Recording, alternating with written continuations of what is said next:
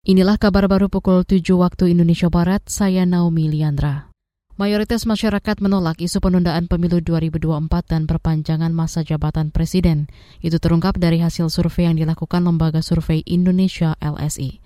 Direktur Eksekutif LSI Jayadi Hanan mengatakan, mayoritas responden menginginkan pelaksanaan pemilu 2024 tetap sesuai konstitusi. Wacana penundaan pemilu sudah diketahui oleh hampir seluruh warga, mayoritas uh, menolak urus, urus, uh, usulan ini baik karena alasan ekonomi, pandemi maupun alasan uh, IKN. Direktur Eksekutif LSI Jayadi Hanan menambahkan sebanyak 64 persen responden lebih setuju pemilu 2024 digelar meski dalam kondisi pandemi COVID-19. Survei melibatkan lebih dari 1.100-an responden di seluruh Indonesia dengan toleransi kesalahan lebih kurang 2,89 persen pada tingkat kepercayaan 95 persen. Ukraina dan Rusia menggelar dialog kedua malam tadi.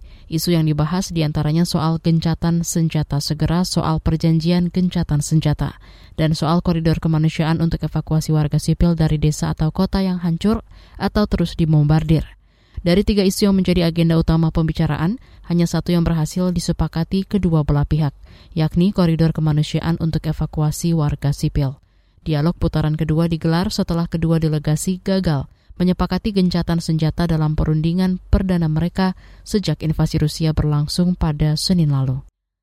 Petarung Ultimate Fighting Championship UFC Conor McGregor mengungkapkan ketertarikannya membeli Chelsea setelah pemiliknya Roman Abramovich memutuskan menjual klub tersebut.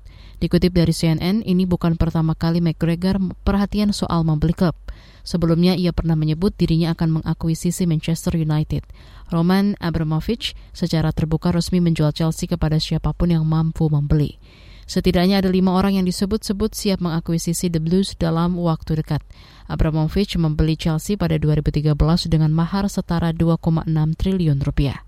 Dalam laporan Mirror, Taipan asal Rusia itu akan melepaskan Chelsea dengan bayaran minimal 76 triliun rupiah. Demikian kabar baru KBR. Saya Naomi Liandra.